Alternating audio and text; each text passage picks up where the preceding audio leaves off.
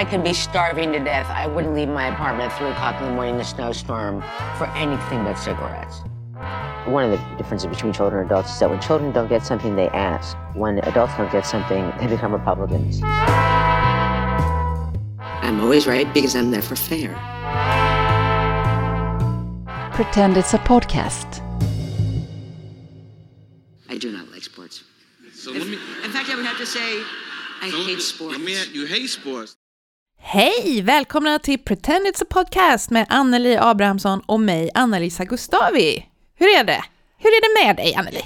Jo, alltså jag är lite bakis. Ah. Jag går lite stick i stäv med dagens tema, våran inspelning. Mm. Men så är det. Ja. Jag har ju också, jag kommer precis från två eh, handbollsmatcher faktiskt. Wow! Wow, go Önnered! Ja. som också, som faktiskt passar med dagens tema, men det, det kommer vi till Ja. sen. Eh, jag vill eh, prata lite om att vår underrubrik är Jag vill ligga med Fran Lebowitz. Eh, vi har ju fått en del frågor om det där att ligga med Fran. Eh, men Vad är jag, det folk undrar? Nej men vad är det? Alltså jag tyckte vi förklarade väldigt bra i premiäravsnittet faktiskt. Eh, ja, vi kan ju helt enkelt inte hitta ett uttryck som på ett bra sätt speglar hur starkt vi känner för Fran. Så vi tyckte det var en bra bild. Ja, det är en bild. Man kan ju en- också tänka att, att alltså man behöver liksom inte ta allting bokstavligt, men ja, eller så gör man Eller det. så gör man får, det. Man får Vi lägga kanske- ja. lite vad man vill i det, tänker jag, eller hur? Precis, precis. Och sedan kan man väl säga att vi leker fram den här podden, eller hur Anneli? Ja, Vi det- har ju båda liksom sådana här dayjobs Ja. som vi verkligen älskar. Och det är inte kopplat till det här överhuvudtaget. Vi gör ju detta för att vi tycker det är kul. Eh, och att genom att kolla lite på Frans liv, eller lite, kolla noggrant på hennes liv, så tycker jag att vi lär oss andra saker också. För det har ju vi fått höra att det är väldigt smalt. Men jag vet inte hur smalt det är egentligen, för hon har ju en åsikt om precis, precis allt. Allt har hon en Ja. åsikt om. Ja, precis. Jag tycker inte att man kan på det sättet säga att vi är smal podd. Nej, och vi tycker i och för sig om att vi är det också. Ja. Ja. Men, eh, ja, nej, men det, är en, det är en podd om världen helt enkelt, utifrån uh, Frans eh, perspektiv. Mm. Ehm, så vill jag bara nämna att vi i vår research hittar ju en massa quirks, alltså sådana här roliga egenheter som hon gör i intervjuer. Alltså man ser mycket intervjuer med henne så har hon ju ot- otroliga, liksom tydliga mannerisms med sina händer och sin, liksom, sitt, sitt uttryck. Men hon har också en, eh, lite andra saker som vi börjat kalla för franisms, eller hur? Ja, Små kallar- egenheter. ja. Eh, vi vill gärna dela dem med er så att ni också kan använda er av dessa när det behövs. Om det hade varit en vit man i sina bästa år så kanske vi hade kallat dem för härskartekniker. Det är mycket möjligt att vi hade gjort. Men, eh, men det gör vi inte, för det är Fran. Så det blir Franisms helt enkelt. Och ni som blir arga på detta får jättegärna kommentera det i våra sociala medier. Och då pratar jag tvärtom språket, så nej, lägg av. Um, I alla fall, en grej hon ofta gör är att hon svarar på frågan innan den är färdigställd. Och det är så otroligt, det är en bra komisk grej. Um, vi kan väl demonstrera. Vi demonstrerar. Vem Eh, vill du vara? Jag är intervjuaren då, Ja, och du är Fran då. jag är Fran. Mm. Eh, Fran, det sägs att du gillar... Nej, Mm. exempel, exempel. eller hur? Och nu byter vi roller. Ja, Så nu är jag eh, intervjuaren Mm. och du är Fran. okej. Och då kan det låta så här. Fran, skulle du vilja... Ja, Eller hur? ja, ungefär så. Det, är väldigt, blir väldigt komiskt alltid när hon gör så, så det har hon liksom lärt sig och det kör hon ganska Hon ofta. kör det Ja, stenhårt. det är hennes grej. Men du, idag ska vi prata sport! Wow! Och sportar du Anneli? Jag sportar rätt mycket måste jag säga faktiskt. Och så är jag en sån här sjukt hängiven handbollssupporter. Just det. Mm, och så är jag zlatanist. Just det, alltså du, är, du är en gammal handbollstjej för fasiken. Jag är det. Jag Du är är faktiskt ett riktigt stöd för mig nu när jag har gått och blivit handbollsmorsa. Ja, och det, alltså, då måste vi också så här förtydliga för att du, du handbollsmorseriet, Ja. eh, det här måste ju fika och, och sälja korv och sånt, det kan du. Mm. Men jag skickar artiklar till dig, vi diskuterar 6-5-spel. Ja, gud, du lär mig taktik. Ja. Alltså, jag har ju aldrig läst en enda mening i någon sport sportbilaga till något magasin eller någon tidning någonsin i hela mitt liv. Men Det får du det, det Ja, får jag. ja. får jag av dig. Lite taktik och sånt där, Mm. lite roligt om handboll. Eh, Men eh, Fran, när hon pratar om, om träning så säger hon ju att det är ingenting man höll på med när hon var liten, alltså som en grej. I eh, Pretend It's a City till exempel så frågar eh, Scorsese henne om den här filosofin att aerobics, alltså konditionsträning, ska förlänga livet och hennes respons är att det typ är ganska nytt detta med att man, man rör på sig att för, för att må bra. Eh, när hon var liten till exempel så var ju barn ute och rörde på sig en massa. De skulle inte vara inne eller hemma, som vi pratade om i förra avsnittet. Mm. Eh, det var ju inte det att föräldrarna ville att de skulle få frisk luft. Nej, inte om, eh, inte om du frågar Fran. Nej. Det var ju för att de ville inte ha ungar i huset helt enkelt. Eh, men det var inte många vuxna som liksom höll på med sport för att hålla sig i form. Och det vet vi ju att samhället har gjort att vi har blivit stillasittande och vi måste liksom röra oss på fritiden på ett helt annat sätt än vad man gjorde för 50 år sedan. Sitter 50, det nya 70, 100 år röka? Vad sa du? Sitter? Sitter det nya röka? Sitter, precis. Um, hon pallar inte detta med wellness såklart. Det är för glättigt. Alltså att alla ska må bra då inom citationstecken. Hon ser det som en California thing. Alltså det är ingenting för henne. Att de där tech-människorna där ute har blivit giriga och inte bara vill leva utan ska live well. Alltså de ska leva bra. Hon sa en grej som är så himla sann och det är att de är sjukt upptagna med att ta hand om sin egen hälsa men inte om andras liv. Mm. Mm, det där är ju svårt att inte hålla med om. Så, så pratar hon ju återigen om det här med att man inte kan, alltså att, att man kapitaliserar på saker Ja. och eh, att allting kostar pengar och att man kan köpa sig wellness. Det är de här dyra matjuicerna, det är teer, det är sallader, det är träning och livsstil. Eh, hon tycker till exempel att de som går runt med yogamattor i New York inte har någon känsla alls för stil eller klass överhuvudtaget. Det är inte hennes grej. Nej, det är inte hennes grej. Och det finns ju ett sånt vans... Det utspelar sig en sån vansinnigt rolig scen Ja. i eh, Pretend It's a City. Mm. Där hon går på någon av New Yorks gator och så är det en, en ganska stor grupp kvinnor som kommer släpandes på tunga, stora bildäck i rep bakom sig. Gud ja, Ja, typ sån, den eh, scenen. Och ja. den är så rolig, för man, alltså det uttrycket som Fran har, eh, man förstår att hon bara tänker, men vad håller ni på med liksom? Precis. Det är så roligt. Ja, ja men, men den bilden är fantastisk. Ja, den är väldigt, väldigt rolig.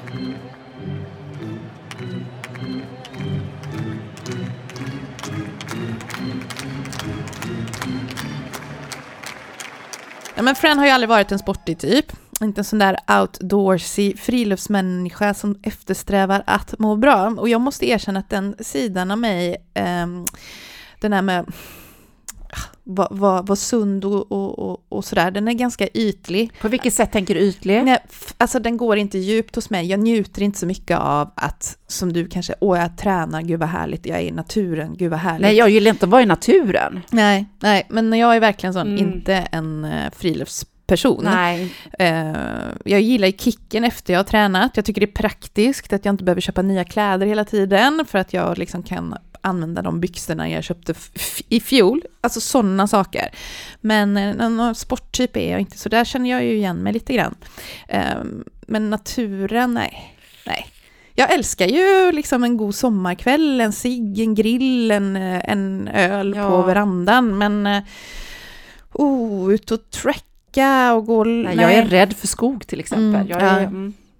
Eh, Men Fran är ju helt sjuk nog ändå med, gör ju massa friluftsgrejer hela tiden, har vi upptäckt. Ja. Eh, faktiskt så pass mycket så att eh, det blir ett eget avsnitt, har vi bestämt. Ett eget avsnitt, ja men det, ja, alltså ni har ju, ni som lyssnar på den här podden, är det någon mening så, som vi upprepar så är det, ja det kommer få ett nytt eget avsnitt. Ja. Allt kommer få det, men varför, ja. Så är det ju bara. Ja. Det, vi, vi skriver liksom över till nästa avsnitt när vi märker att det, det blir eh, lite extra Men kul. ska vi, ha, ska vi ha typ någon bingo, att man kan spela bingo varenda gång man, eller? Det blir ju ett lysande drinking game, alltså om man har, eh, varje gång vi säger att det kan bli ett eget avsnitt så kan man ta en shot tequila till exempel, så, så blir alla asfulla Ja. varje gång de lyssnar.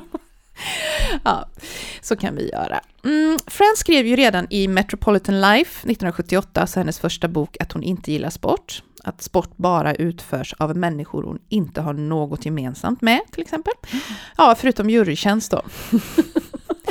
jurytjänst är ju det där i, USA som precis drabbar precis, precis, precis alla. Mm.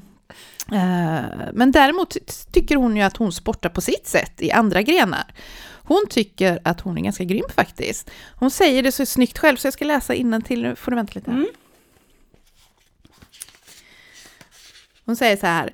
There are, however, several contests in which I do engage and not, I might add, without a certain degree of competence. Så hon är ju ganska stolt över sig själv. Och de här grenarna, det kan vara att eh, till exempel beställa frukost, hämta posten, gå ut och köpa sig, träffas på en drink. Hon tycker att dessa också kräver mod, kondition och talang. Men att de här grenarna inte får den respekt och uppmärksamhet som de förtjänar eftersom sportiga typer inte gillar stan. Det är hennes analys. ja. Så hon föreslår att de helt enkelt eh, ska prata med de som har OS. eh, OS-kommittén Ja. typ, eller? Ja. Eh, och de ska låta New York vara med som en egen enhet. Eh, Bra och då ska, tänkt. Ja, jag tycker också bra. Då ska de kalla det för The New York Decathlon, alltså tio, tio kamp. Mm. Men det kan man ju egentligen inte kalla det då, för det kommer bara vara fyra grenar enligt henne. Och då har hon valt ut eh, pressagentskap, kemtvätteri, gå på party och hundägeri. Ja, Okej. Ja, och jag tänkte jag skulle berätta lite mer i detalj om till exempel pressagentskap. För då eh, bjuder man in då, eh, de tävlande och så eh, får man poäng för olika saker och bland annat då så får de poäng om de inte tar emot samtal från någon som vill prata med dem. och sen väcka så många som möjligt som inte vill prata med dem. Så där får de extra poäng. Ja, bra. Ja. Mm. Och det här går på partygrenen, då ska de då bygga upp ett rum mitt i en stadion. Och så fyller de det rummet med människor, fast dubbelt så många människor som egentligen får plats. Och så får man poäng för lite olika saker. Man får poäng när man tar sig till baren, man får poäng när man tar sig från baren, man får poäng när man säger roliga saker om människor som inte är där. Eh, man får lite extra poäng om man har störst antal kändisar med sig när man kommer sent till partyt. Eh, och man får lite extra poäng om man går tidigt från festen med en gammal älskares nya flamma. Oh my god! Där känner jag verkligen att oh, här pratar hon om sig själv. Ja, det tror vi. För jag menar, det, en heterorelation funkar inte ju det på. Om jag hade träffat mitt ex på en fest så hade inte jag kunnat locka med hans nya tjej med mig hem. Eller ja, det hade jag kanske, men jag hade ju liksom, det, det var inte, hade ju inte varit mitt fokus om man säger Nej, så. precis. Så det där är ju eh, kanske något hon, hon faktiskt eh, gjorde.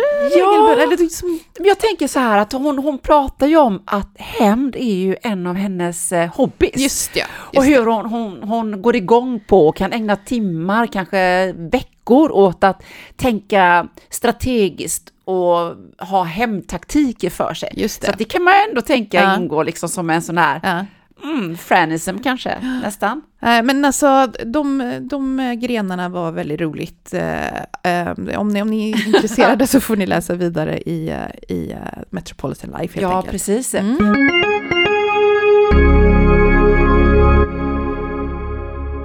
Och du vet, innan vi, innan vi satte våran agenda, Anna-Lisa, när vi satt och diskuterade vilka rubriker våra olika avsnitt skulle ha och när vi bestämde sport, då kände jag liksom att jag inte alls höll med Fran om sport, för att hon har ju så tydligt deklarerat att hon ogillar det, så jäkla mycket dessutom. Och jag älskar idrott. Ja, det gör du verkligen. Det gör jag inte all, alltså enduro, vissa saker kan jag liksom vara sådär utan, men mycket gillar jag. Och eh, så tänker jag och tänker och att jag, att jag inte håller med henne, men likväl så kan jag inte värja mig. Alltså, hon får med sig mig i sitt resonemang ändå och jag köper det hon säger. Jag köper inte allt med hull och hår, men hon har ändå poänger. Eh, hon har ändå rätt, eh, rätt mycket. Och jag har en, en fundering kring det här med att hon inte gillar sport, att hon säger det så tydligt. Eh, eller det kanske också är en spekulation från min sida, att, eh, att det här med att hon står så oförstående inför det faktum att vissa människor tycker om att röra på sig och tycker om att idrotta. om det kan hänga ihop med att hon är så rädd för att skada sig fysiskt. För hon har ju berättat att när hon växte upp att hon stod med händerna framför ansiktet eftersom hon var så, men när de hade bollsporter, för att hon var så rädd för att hon skulle få bollen i ansiktet. Och sen så visade det sig, för jag hörde någon podcast med henne där hon säger att hon, nej jag läste om det i en artikel, att hon är eh, blind på höger öga sedan födseln. Eh, är det höger öga? Eh, Ja, det är höger öga. Okej, Men att hon, att hon har perfekt syn på vänster öga. Så hon har varit livrädd för, för att förlora synen på vänsterögat och det kan man förstå. Ja, det kan man ju förstå. Ja, och jag tänker också att det måste ju ha kommit att prägla henne väldigt tidigt i livet. Hon, hon har ju också, som vi har pratat om i vårt förra avsnitt, så utsatte hon ju sig ogärna för faror. Hon gillade ju inte att klättra till exempel. Och jag tänker att i och med att hon var, var rädd och att det också kanske fick henne att bli ett annat slags barn, det här stillasittande, läsande barnet, som gjorde att hon blev in, intellektuell. Och därmed inte säkert, alltså man kan ju också vara intellektuell och sportfantast, inte det jag menar, men som en ändå liksom eh, grej. Eh, och sen så såg det ut så på 50-talet menar hon på att hon berättar i till exempel eh, i Pretend It's a City så finns det ett klipp där hon är med i en talkshow som hostas av Spike Lee, regissören. Och han är en sån galen basketfantast. Ja, det är han verkligen. Verkligen. Han är ju helt... Han, Besatt. han, Han är besatt. han, han har liksom bänkat, alltså han har... Men han lägger sig ju i matcherna. Han- Han, blir ju utvisad ibland själv. Det är helt sjukt! Snacka om! Så att han är ju på en annan nivå. Eh, men hon berättade i alla fall i det klippet att flickor inte behövde sporta för och att det var en av fördelarna med att växa upp på 50-talet. Och när hon säger det så, du vet, Spike Lee, han ser ut som ett ufo verkligen bara, men är du, alltså, och försöker han ändå få henne att få förstå att, men kvinnor tycker också om att idrotta, bara, mm, jada jada. Eh, Och Fran vore ju inte heller Fran om hon också, men du vet, hade en annan ingång och twistade till grejer. Hon pratar ju om, om de där fotbollskillarna i high school, att de var de enda då som egentligen gillade high school. Eh, därför att de pikade i livet där och då, för att de var sådana otroliga stjärnor och så hyllade. Och sen så gick det bara utför för dem. Och de här flickvännerna till de här high, ja, fotbollsspelarna var ju också de enda som också gillade high school. Men det var ju för att det här stjärnströsslet också föll över på dem då för att de kunde sola sig lite i glansen av sina pojkvänner. Och hon menar på att om det var så att kvinnor Eh, hon säger att, att idrott har så stor betydelse i vårt samhälle eftersom det är män som styr och män älskar idrott. Inte alla män, men generellt sett liksom. Eh, och om det hade varit så att det var kvinnor som styrde världen, då hade det exempelvis eh, varit idrott att eh, hoppa hage. Som tjejer brukar göra. Och det här är ju liksom, ja men det, man får ju Känns också... otroligt förlegad Det är förlegad, referens. ja, det är en förlegad referens, men vad, vad man, alltså översatt ändå i någon hyfsad modern terminologi så handlar det ju åt, Men poängen är ju inte daterad. Poängen är ju så sann. Den är Än sann. idag. Ja, för att det handlar ju ändå om att eh, det som tjejer generellt sett har ägnat tid åt inte har värdesatts. Nej, liksom. precis. Eh, och sen så tycker hon, alltså, hon förstår inte heller eh, upphetsningen med idrott och det tycker jag är så väldigt roligt. Hon, och nu gener- generaliserar hon ju igen då, hon, hon, hon är ju sådär lite kategorisk, men det är också det som gör henne rolig. Hon är väldigt drastisk. Hon förstår inte män som vrålar där, vi vann! Så. Och då säger hon, nej, alltså du vann inte, eh, de vann. Mm. Du satt i din soffa och tittade på när de andra vann. Och jag, alltså jag är ju, måste ju också säga så här att jag är ju en sån supporter. Min son sa... Du har suttit i min soffa Ja. under en handbollsmatch. Ja. Oj, oj, oj. Du skrämde ju katterna. Ja, jag vet. De dök inte upp på flera Mina springer också och gömmer sig.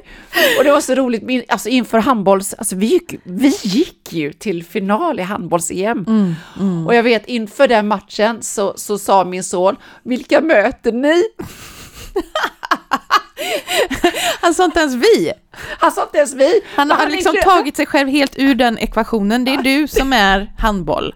Jag ändå tyckte det var fint att jag Ja. fick vara en del av det kollektivet. Vilka möter ni? ni- Men då fick jag ändå rätta honom och säga så här, ja men Elias du är också svensk, det är vi.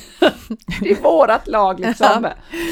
Nej men om det inte hade varit för corona nu så hade jag ju varit på plats Mm, i, i, i ja, lite kanske, alltså jag har lite svårt för Ungern Ja. ja. med Nej. Orban, men, Nej, men annars, Nej. men kanske ändå. Ja. Och, och männen runt mig är inte på långa vägar heller liksom så intresserade av idrott som jag är. Jag är, ah, du vet, fotboll, alltså Nej, alla, men exakt. allt så. Det där med att det är män som är, för att det också, där, där är ju en parallell också till, till mig Ja. själv. Jag är ju inte eh, sportfantast så, sitter inte och tittar på sport på helgerna och sådär, men har alltid gillat eh, fotbolls-VM och den typen, och nu älskar jag då handboll också, har hamnat på det, men det, min man är inte intresserad.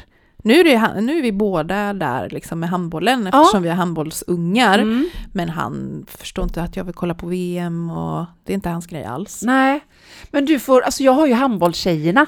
Ja. Du får komma med. Får Och jag? Ja, för att grejen är den att det är så roligt, Katja, min äldsta vän. Du vet, vi är så helt i gasen. Så eh, när det var förra turneringen, alltså VM, då när Sverige gjorde mål, då gled hon på vardagsrumsgolvet så hon brände knäskål. Ja, en sån seg- segergest. Så hade Fran aldrig gjort. Nej, det hade hon verkligen aldrig gjort. Det är ju en sån kulturkrock. Mm. mellan, mellan idrottsvärlden och egentligen den kulturella världen. Mm. Eller hur? Därför att ja, man kan ju sminka sig när man går på ett kulturevenemang, men det ser ju väldigt annorlunda ut när man Men, men, stylar sig inför en, fot- en sån handbollsmatch. Man, det är lite så. annan typ av uttryck. Ja, och jag, alltså... Det är ungefär som alltså det här med att facepainta, jag, alltså det gör jag ju. Alltså jag kan ju också måla naglar och, och du vet så. Och det blir en sån rolig, det är ungefär som, kommer du ihåg det avsnittet i Seinfeld? När Elaine dejtar Paddy. Mm, Och han, han är som facepaintare, han, han, alltså det, det, han ska gå på hockey i Madison Square Garden, han kommer från Detroit och hejar på Detroit Devils. Ja. Och då har ju, alltså Devils, de har ju djävulshorn i pannan. Och du vet, hon är så här helt, hon bara, men ska du gå ut? Så där bara, yes you gotta support the team! Och han är ju helt i gasen. Ja. Och eh, det, är- det är ett av de roligaste nästan Seinfeld-avsnitten. För att han, alltså efter matchen så springer, springer Paddy ut, på, ut i gatan eh, och lutar sig mot en taxibil och där inne sitter en katolsk präst. Så bara, åh, gör han The Devils! Och prästen tror att, det är, att han möter djävulen. Eh, och det blir eh, otroligt, alltså de, de får ju alltid ihop det, så himla roligt. Nu blir det en sån crossover mellan Fran och Seinfeld här. Ja. Jag hoppas att man köper det. Jo, men, Men- det, men det är ju roligt. inte så himla far reached ändå, liksom um, Seinfeld och Fran. Nej, de är, eller hur, de är New York-bor och judisk härkomst och sådär. Mm. Jag tänker att det är lite tur att vi pratar svenska i den här podden så att hon inte riktigt får höra om den här sidan av mig när vi träffar henne sen. Men eh, när vi träffar henne så kommer jag ju berätta för henne hur, Ja, eller hur? Tack så mycket.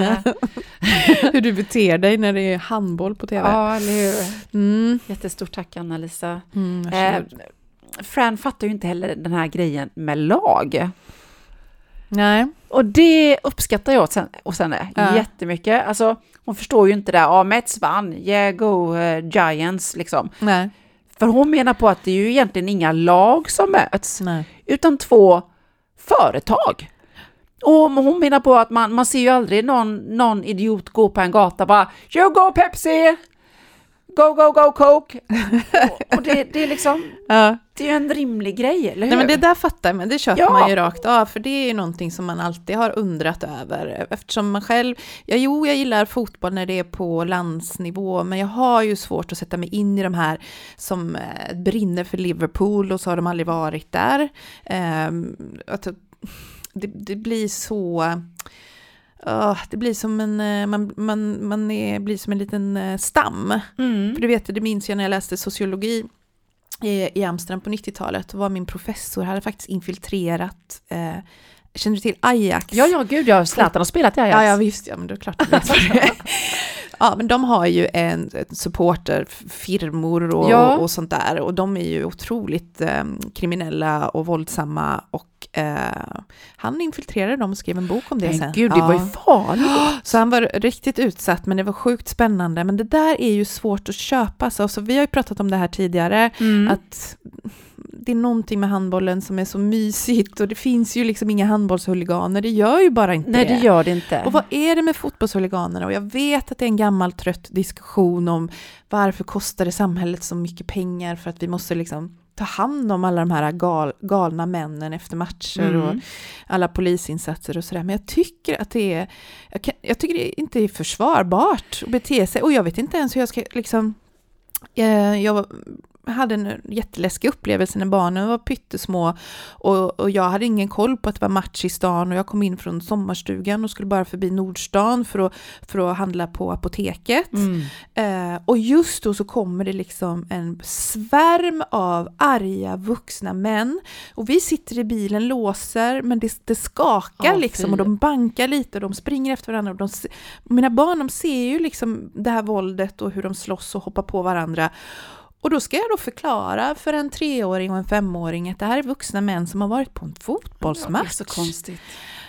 Alltså, nej. Ja, Jag hade ju en sån moment i somras ju, när jag hade varit på ett gig i Vasastan och då hade det varit ett derby mellan ÖIS och Gais.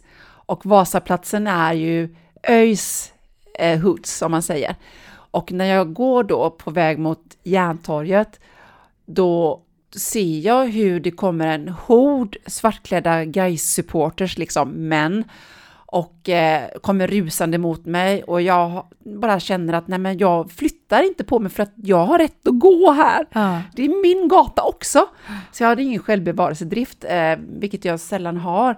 Eh, och såklart så, så liksom åker jag ju rätt in i väggen med stans kraft för att de, de bara puttar, alltså vräker omkull mig. Och det var också sådär konstig upplevelse att inte räknas. Eh, jag hade kunnat vara en Coca-Cola-burk på marken som de bara sparkade för att få väck liksom. Och otroligt Mm. så konstigt att se den här aggressiviteten i ögonen och att de och gruppmentaliteten och Mm.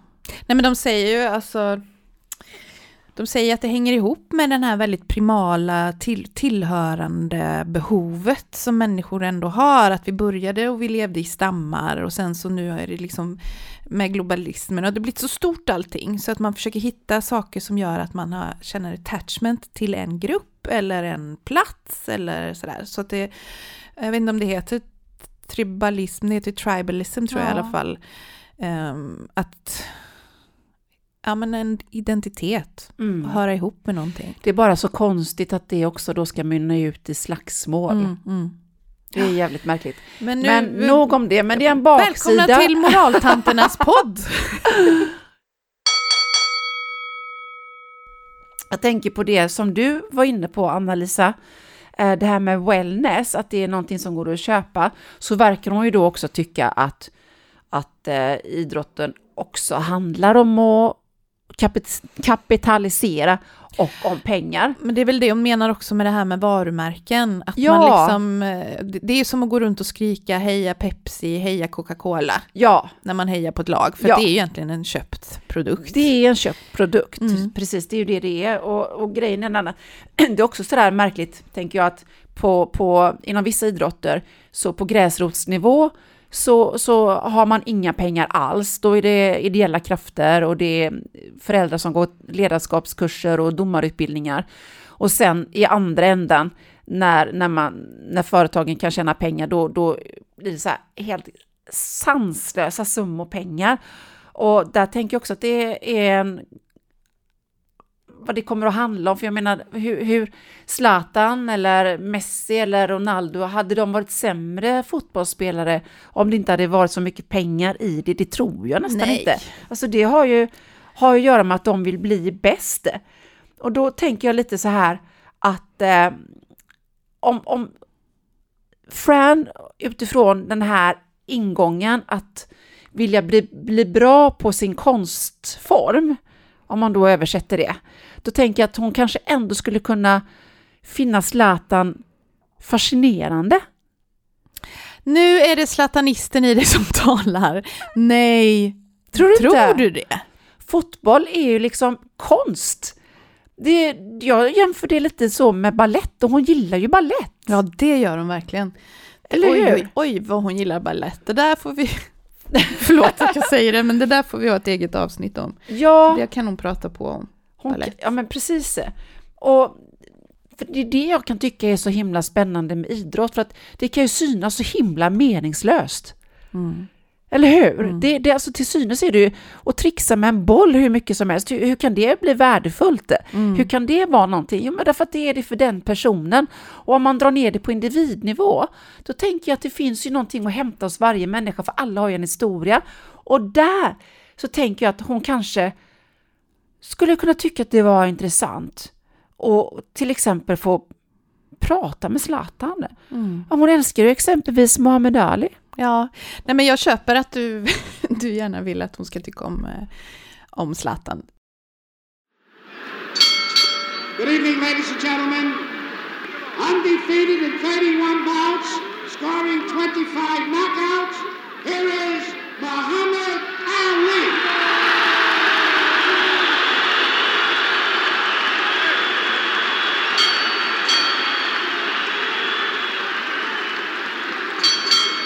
His opponent from Philadelphia, Pennsylvania, he's wearing green trunks.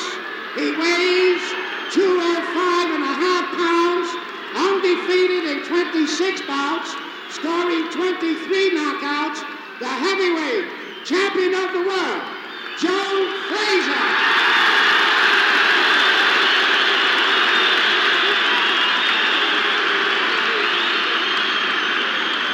Let's pick up the last minute instructions from Arthur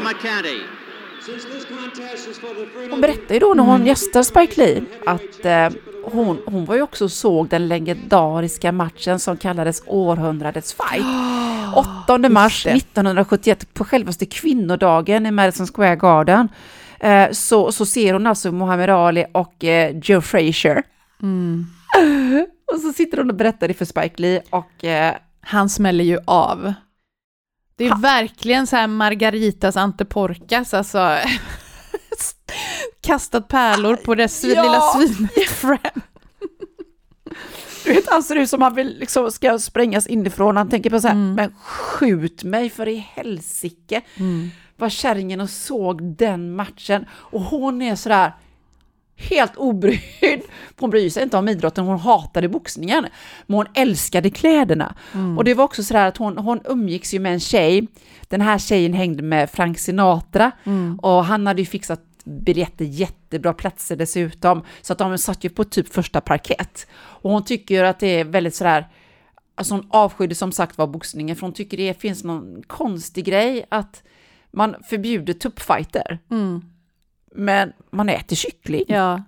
Och så tillåter man boxning. Hur kan man tillåta boxning? Och det är en, eh, en eh, adekvat liksom. Ja, men det är en bra Ja, frågeställning. det är en bra absolut. frågeställning. Mm. Och just där också, vad, vad, vad som, hon, när hon målar upp den här scenen, när hon är på, och just de här, det verkar vara jättemycket hallickar som har gått Just på den här. Just men gud ja, man har ju sett bilder på med långa entourage av så här sina, sitt stall av prostituerade och så har de de här megapälsarna. Och jättekorta kjolar Ja, och mycket bling-bling. Och, Mm. Alltså det är ju värt en Google, gör det, bildgoogla det för att det är jätteroligt. Och Muhammad Ali, han var ju också, han, han var ju en väldigt stor förebild för henne, hon älskade honom. Men det var ju mycket för hans politiska bedrifter såklart, det var ju inte för boxningens skull. Eh, också i likhet med en annan svart man som hon älskade, James Baldwin, som, Som vi har ja, pratat om som får ett eget avsnitt. han får ett eget avsnitt. och han, han var ju, alltså, vad jag kan tycka själv var väldigt spännande med Muhammad Ali, det var, det var ju det att han var en medborgarrättskämpe. Så otroligt politisk. Ja, det var han. var en viktig person i medborgarrättsrörelsen. Han vägrade åka till Vietnam och Exakt. kriga. Han var döpt till Cassius Clay. Ja. 64 så bytte han namn när han tog bort sitt slavnamn Ja. som man kallar det för och eh, valde att heta Muhammad Ali. Han blev väl muslim Han också? blev muslim. Ja. Så att eh, det är en spännande historia och eh, där, där tänker jag ändå att det är någon slags... Eh,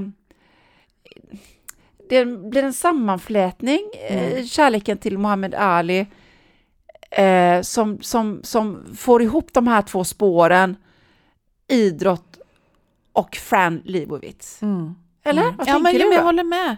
Jag håller med. Det är en bra, och du, jag tror att du, du nästan får med mig i det här med Zlatan också, för att det finns ju samma, det är lite samma origin story för Zlatan och Muhammad Ali. Sen har inte Zlatan aktiverat, alltså varit aktiv politiskt. Tvärtom Nej. skulle jag vilja säga. We ask you to pay particular attention to the rules of the New York State. Athletic Commission. In the event of a knockdown, you must take an eight count. The other man must retire to the neutral corner. Three knockdowns in one round will automatically end the contest.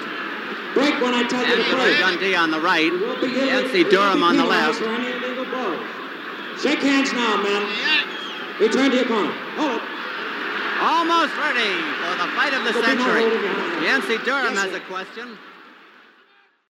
Men, alltså, jag tror att vi har um, fått med det mesta. Nej, nu skämtar jag. Såklart inte fått med det mesta. Det, det kommer vi aldrig kunna. Men vi har fått med en del grejer om eh, Fran och sport. Fran och sport. Nu ska vi ha lite så här fokus på Fran, friluftsmänniskan, Mm. till nästa gång vi ska spela in. Precis. Det blir spännande. Ja, så missa inte nästa avsnitt. Hör av er på Pretend It's a Podcast, både i sociala medier och som gmail. Ja, och på Onlyfans. Only, only friends, såklart. ja. Ni får ha det så bra, kul att ni lyssnar. Puss puss! Puss puss!